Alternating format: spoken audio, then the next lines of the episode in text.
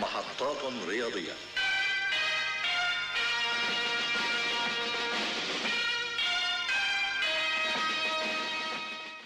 مرحبا أهلا وسهلا فيكم بمحطات رياضية. رجعنا لكم من جديد مع المونديال. نبتدي بالمباراة الأولى بين كوستاريكا واليابان. المباراة اللي انتهت بفوز كوستاريكا بالدقائق ل 1-0 بالدقائق الأخيرة. اليابان استحوذت وضغطت والفرص كانت كلها لها بس الحظ كان وقف ضده. اليابان عرفت تفوز على ألمانيا وخسرت من من كوستاريكا خسرت من كوستاريكا اللي خسرت وتبهدلت من إسبانيا. بخسارتها لليوم اجلت حسم التأهل آه، للأدوار القادمة.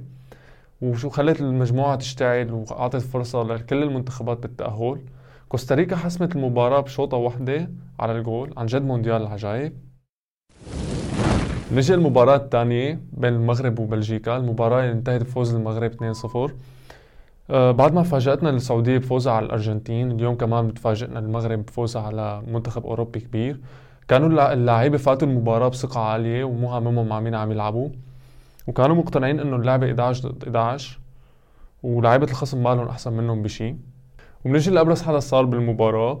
الحارس ياسين بونو بعد ما أدى النشيد الوطني مع المنتخب طلب التبديل آه يلي ب... الحارس الثاني اللي بلش المباراة.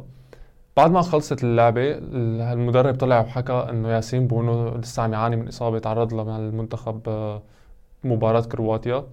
والحدث الثاني كان بعد ما خلصت المباراة آه، أشرف حكيمي اتجه للمدرجات وباس جبين أمه.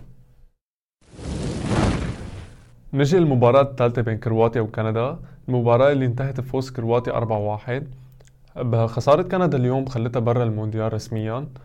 كندا بلشت اللعبة من دون خوف واستطاعت تسجيل الهدف الأول بالدقائق الأولى. آه، كرواتيا رجعت وضغطت وهاجمت حتى استطاعت تسجيل الهدفين قبل نهاية الشوط الأول. آه، برأيي كندا كانت رائعة بالمباراتين يلي لعبتهم وما توفقت بالفوز بسبب ضعفتها ضعف خبرتها بالمونديال. بنجي للمباراة الأخيرة اللي كانت بين ألمانيا وإسبانيا المباراة اللي انتهت بالتعادل واحد واحد للطرفين. شفنا سيطرة واستحواذ من من الماتادور الإسباني بس كان طبعا بلا طعمة. آه، وكانت مباراة مملة على عكس التوقعات وكان في خشونة عالية بالشوط الأول. طول المباراة كان عندي إحساس إنه الحارس الإسباني كان بده يغلط له شي غلط ويكلف المنتخب الإسباني خسارة. نجم المباراة كان جمال موسيالا يلي شفنا له دور بكل فرص ألمانيا وخصوصي بعد ما نزل ثاني اللي ساعده بالبناء وخلى تأثيره يكون أكبر. بنجي لتوقعاتنا للمباراة بكرة. نبتدي بالمباراة الأولى بين صربيا والكاميرون. بتوقع فوز صربيا. المباراة الثانية حتكون بين غانا وكوريا الجنوبية. بتوقع فوز كوريا الجنوبية. المباراة الثالثة بين البرازيل وسويسرا. حتكون طبعا فوز البرازيل المنتخب البرازيلي. المباراة الأخيرة بين البرتغال وأوروغواي بتوقعها تكون مباراة كتير حلوة مع فوز البرتغال.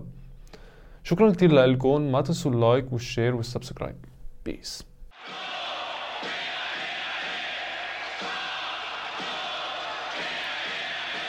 محطات رياضية.